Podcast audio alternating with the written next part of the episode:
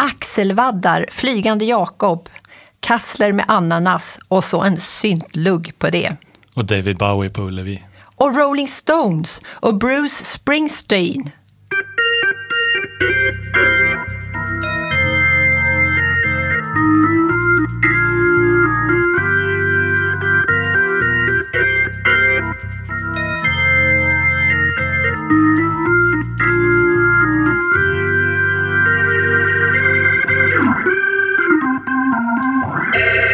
Välkommen till en kvart om Göteborg. Idag ska vi prata om ett särskilt decennium, nämligen 1980-talet. Jag heter Ylva. Och jag heter Christian. Det är ju faktiskt 40 år sedan 80-talet slog ner som en blixt i gamla goa Göteborg. Lika vass som Madonnas ikoniska bh från Gaultier när hon sjöng Like a Virgin. Och vad tänker du på nu då? Ja, men jag tänker givetvis på Gotia Towers östra torn. Det här beslutet att bygga ett hotell i anslutning till Svenska mässan med 63 våningar, det kom ju exakt samma år som Madonnas strutiga outfit, alltså 1984. Men nu har du hoppat över starten på 80-talet. Okej? Okay. Alltså 60, 1960 och 70-talets tidsanda, de glider ju även in en bra bit på 80-talet. Men låt oss börja med det här decenniet 1980 sharp. Okej, okay. men vad är det som händer då? Frölunda kulturhus invigs. Det ritades då av arkitekt John Snees och han hade en vision om att bygga en eh, lanterna på berget. Ja, men vad fint tänkt. Ja, på, 90, på 70-talet så hade han ju bland annat, eh, bland mycket annat, ritat två kyrkor. En i Tynnered och en i Hjällbo. Med Frölunda kulturhus så ville han ju fortsätta lysa upp ett område, både bokstavligt och bildligt, och för alla åldrar. Ja, men det lyckas han ju utmärkt med får man säga. Det är fortfarande en pärla bland institutioner i Göteborg. Ja, och så den här kombon då, simhall och bibliotek. Ja, men det är så bra. Det är både bokmalare och simfantaster som blir nöjda. Och tänk att de satsade på Sveriges första vattenrutschkana inomhus. Det kan ju inte bli annat än succé från start. Absolut. Men visst kostar det 50 öre att åka i början? Ja, den första tiden var de tvungna att lisa för att överhuvudtaget ha råd att bygga den. Men efter ett år så kunde de köpa loss den här rutschbanan. Mm. Snabbt, spektakulärt och så lite plaskigt. Är inte det här en riktig 80-talskänsla? ja, kanske. Jag var ju bara i den så kallade koltåldern som du hade sagt. Men det låter lite som tidens favoriträtt, den goda flygande Jakob. Mm. Det gillar du, ja. Precis. Mm. Jordnötter var ju exotiskt och banan, alltså när den är både gul och svart, det är ju liksom riktig 80-talsfrukt, är det inte det? ja, kanske. Och sen den här berömda ananasskivan då med hål i mitten som prydde var och varannan kasselskiva. Ja, torsk på Tallinn säger jag bara. och sen säger jag också eh, päron after eight. Men eh, nu får vi gå tillbaka till Frölunda. Okej. Okay. Eh, tankarna som finns i samband med Kulturhuset är ju egentligen betydligt äldre än 80-talet. Mm. Det handlar ju om demokrati men också om effektivisering. Frölunda kulturhus kom ju till för att man har sett att den här typen av samhällsservice saknades i de förorter som byggts under de föregående årtiondena. Mm. Så det här med att samnyttja lokaler, det var liksom tidens melodi redan då? Ja, det kan vi säga och också om vi stretchar det här 80-talet och tillbaka in i 70-tal. Mm. Liksom idén att lägga skolor i den här mixen. Mm. Det hade de ju också i Angered, där blåstället ligger bredvid Angeredsgymnasiet. Precis. Det fanns ju också besparingar att göra. Mm. Elever kunde använda resurserna på dagtid och andra grupper på kvällar och helger. Mm. Så det här med kultur och fritid, det blev lite så här win-win? Så var det tänkt. Mm. Eh, men med ett stort utbud så fanns ju något för alla då. Oavsett om det var bio, teater eller konserter. Alltså tänk på detta att Ebba Grön ska ha spelat här. Alltså det är stort. Den konserten hade jag gärna varit på. Ja, jag med. Men jag tänker på annat som finns i det här området.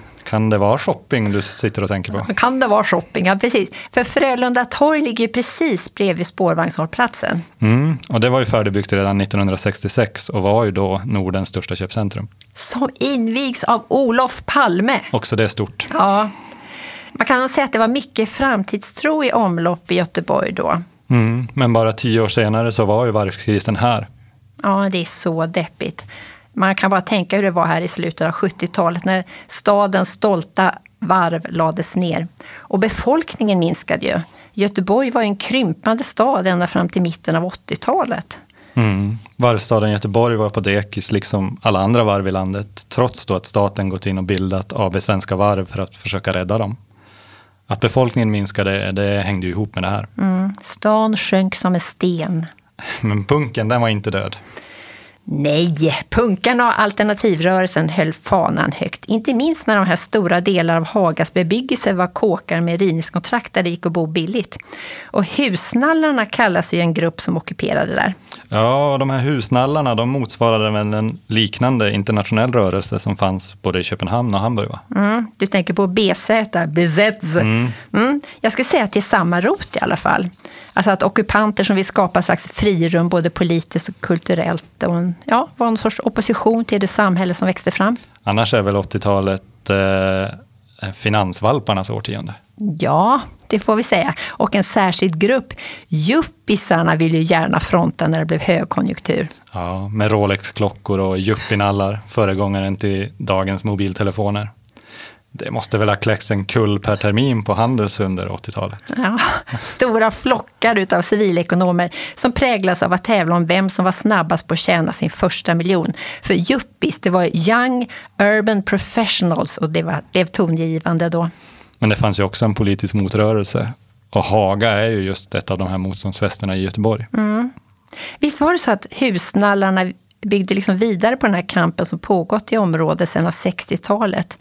Men den drevs för mer av hippies och proggare och arkitektstudenter från Chalmers. Mm, tillsammans med föreningar och boende i området och personal från Historiska museet som lierade sig med Riksantikvarieämbetet. Mm, en salig blandning kan vi säga som bidrog till att inte hela Haga revs. Och en del engagerade journalister också som skrev om utvecklingen och fick opinionen med sig. Och husnallarna? Ja, men de ingick ju i den här blandningen av motståndsfolk. Eh, men enligt professor Håkan Törn så försökte de inte rädda Haga med hjälp av kulturvårdsargument i första hand, utan de krävde billiga bostäder åt alla och så var de ju kritiska mot både bostadspolitik och den här kommersialiseringen av innerstaden. Och nu då resultatet idag? Ja, men som fysisk bebyggelse finns ju Haga kvar i hög utsträckning. Men vardagslivet blev ju någonting annat när det boende liksom byttes ut på vägen. Mm. Haga är ju inte längre en utpräglad blandstad utan mer en gentrifierad del av Göteborg och det är ju svårt att få lägenhet om du inte har kontakter eller pengar. Ja, så 80-talet blev en kickstart för marknadssamhället? Jo, men visst. Husockupanter och investerare hade ju det gemensamt att de återupptäckte innerstan. Även om det var liksom av olika anledningar. Men låt oss kolla på annan marknadsanpassad 80-talsarkitektur. Lite riktigt rosa arkitektur i bästa A-läge. Skräddarsydd för tjocka plånböcker.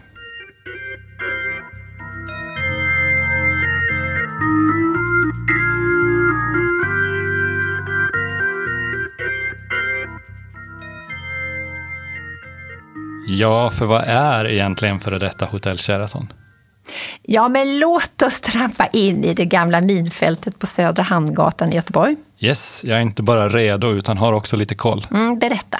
Eh, på den här, I det här kvarteret kan man säga låg inte ett, ute, inte två, inte tre, utan hela tio stenhus byggda då i mitten och slutet av 1800-talet.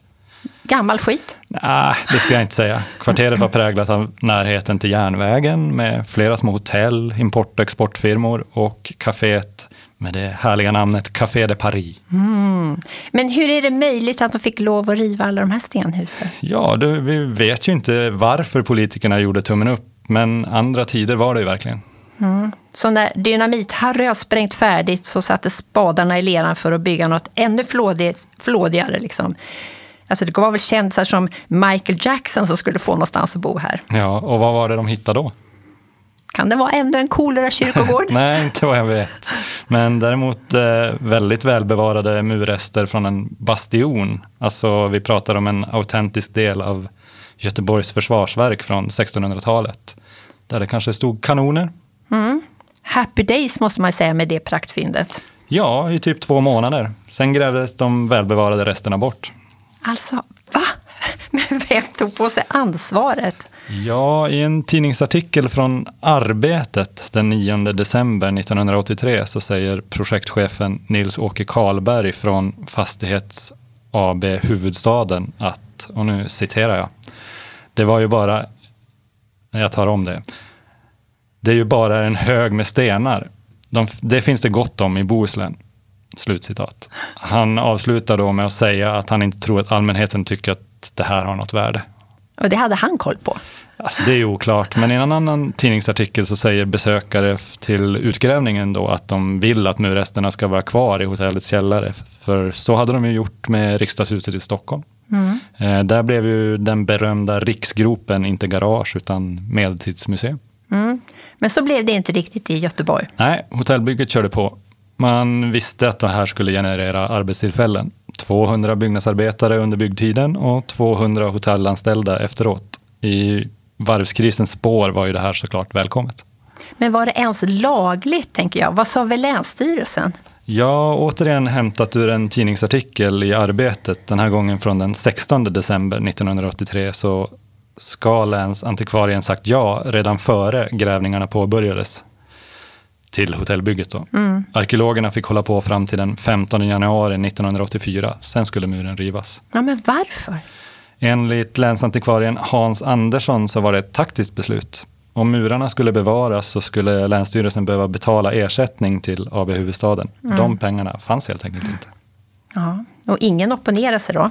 Ja, alltså det skrevs ju många artiklar om att det var decenniets viktigaste arkeologiska grävning i Göteborg och en museichef som menade att byggherren missade sin chans att skapa attraktivitet. Att bevara skulle ha kostat 10 miljoner i jämförelse med hotellets budget på 350 miljoner kronor. Mm. Men struntade det här aktiebolaget Huvudstaden i det? Alltså de hade ju ett annat fokus, mm. men det fanns ju också röster i pressen om att det här var barbarisk kulturvandalism, känn på det uttrycket. Mm. Att Sheraton tog ett skamgrepp på Göteborgs 1600-talshistoria. Mm. Ja, men jag kan faktiskt hålla med. Alltså, gräver man bort en fornlämning så sabbar man ju för alla kommande generationer. Även om det givetvis fanns kortsiktiga vinster att göra just då. Men vem var det som betalade det här då? Ja, det gjorde de som byggde, men mm. via de särskilda investeringsfonderna som fanns vid den här tiden. Mm. Det var regeringen som hade godkänt att pengar fick användas ur, ur de här fonderna. Jag bara säger hallå Kjell-Olof Feldt! ja, han, han är här. Sverige var ju i ekonomisk kris under tidigt 80-tal med underskott i statsbudgeten. Som jag har förstått det så gick det här krispaketet ut på att bland annat låta näringslivet öka lönsamheten. Mm. Så alltså exploatören gick in och agerade tillväxtmotor då kan man säga på Södra Hamngatan? Ja, och priset var att grävskoporna fick tugga i sig delar av 1600-talsbastionen. Mm. Men vi måste ju prata lite om resultatet också. Gör det. Mm. För när det här hotellet öppnas så räknas det ju som det finaste Sheraton-hotellet i Europa. Och det här ska liksom ses som Göteborgs nya mötesplats. De hade både italiensk och en fransk-svensk restaurang. Det fanns bankett, det fanns festsal och en gigantisk paraplyskulptur i taket och sen så det här i källarens hälsoavdelning. Där hade de byggt upp en fejkad kasematt av originalstenar från fästningsmuren. Man blir ju lite stum av den här beskrivningen. ja, lite kreativt där. Ja, och en skribent som heter Crispin Ahlström. Han tyckte att Sheraton var en främmande fågel både byggnadstraditionsmässigt och i relation till platsen. Han skrev att det var en slags skärmarkitektur som är så internationell att den skulle kunna placeras var som helst på vår jord men ändå aldrig passa in. Oj. Ja, och så skrev han så här.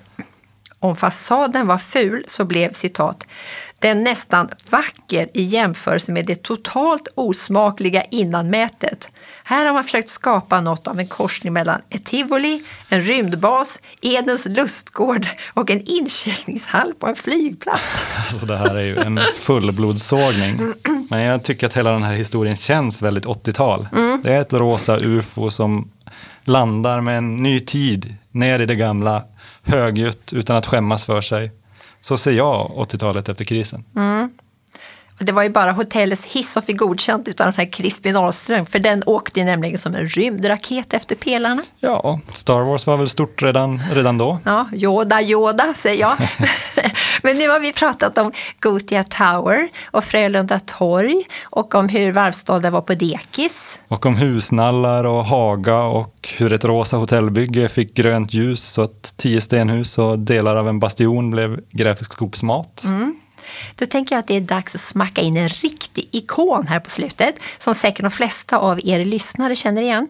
Kan det vara en byggnad som toppade Göteborg under 25 år från att det var färdigbyggt 1989 tills dess att Gotia East Towers gick om 2014? Jajamensan, för det handlar såklart om Lilla Bommen, alias Läppstiftet. Under lång tid kallades de ju också för Skanskaskrapan eftersom här låg Skanskas huvudkontor. Mm. Skyskrapan ritades ju av Ralph Erskine i samarbete med White Arkitekter och uppfördes 86 till 89 som ett sätt att öka framtidstron och sysselsättningen. Mm. Jag har till och med läst att för att stabilisera den här bottenplattan och kunna bygga alla de här våningarna, då var de tvungna att påla ner i leran ända upp till 90 meter. Ja, kampen mot leran är ett återkommande inslag i vår podd, men eh, vill du inte veta lite mer om Erskine? Jo, såklart. Han var ju då arkitekt, pacifist och naturälskare från England som 1939 cyklade till Sverige från Danmark med sin ryggsäck och sin sovsäck. Alltså samtidigt som andra världskriget bryter ut? Ja, faktiskt två dagar efter han kom hit. Eh, det bidrog säkert till att han stannade mm. kvar och bildade familj. Mm. Eh, Erskine var ju en framträdande arkitekt under lång tid och har byggt det mesta. Det är shoppingcenter, aulor, bibliotek och hela stadsdelar. Han var även stor inom den så kallade postmodernismen som var 1980-talets dominerande stil. Och vad innebär den då? Alltså det är ju en sorts reaktion mot modernismen och funktionalismens formspråk och då tog man till den här extravaganta tillbakablickande verktygslådan och gestaltningen. Men då kan man säga att då funkar ju läppstiftet alldeles utmärkt. För är du även bara en sexåring som har lego som främsta merit så lägger du väl den byggnaden på minnet? Ja, det är ju ett landmärke som syns lång väg. Den har ju en tydlig karaktär. Mm. Och den är ju med på i stort sett varenda bild där Göteborg ska hamna på kartan. Men 80-talet, eh, det var väl också inglasade miljöer, det var väl mexitegel, pastellfärger och sånt här färgglatt kakel. Har vi inte något sånt i Göteborg? Ja, det har vi. Vi har ju en riktigt postmodernistisk byggnad vi kan ta som exempel. Mm. Det är ju det här Accesshuset i Haga. Mm. Det är väl eh, ett jättebra exempel på det, men eh, det invigs ju faktiskt först 1990. Så då är vi ju redan inne på nästa decennium. Men då kanske vi ska avsluta här då. Men vi har inte hunnit prata något om Glenn Hysén och vilka kungar Blåvitt var på 80-talet med två Uefa Cup-vinster. Nej, och vi har inte heller pratat om hur teoretiskt decenniet var om franska sociologen Henri Lefebvres tankar om rätten till staden. Eller att Chalmers hade en banan som konstverk i taket. Eller att tilläggsisolering var stort. Heller ingenting om kulturfighter mellan rockare och syntare. Eller videovåldet. Mm. Men vi måste ändå avsluta. Så låt oss göra det med några rader av en kvinna som slog igenom på 80-talet med dunder och brak. Vår folkliga enfant terrible alias bibliotekarien och akademiledamoten Kristina Lund som gick bort förra året. Okej, okay, jag är idel öra. Mm. Här kommer några rader av henne. Allt har sin egen sång. Alla som jag älskar har sina egna biljetter. Jag har en hund. Det finns de som säger att det är en handväska. Okej. Okay. Eh, tack så mycket för oss. Vi hörs nästa gång. Ja, men tack ska ni ha och eh, på återhörande. Thank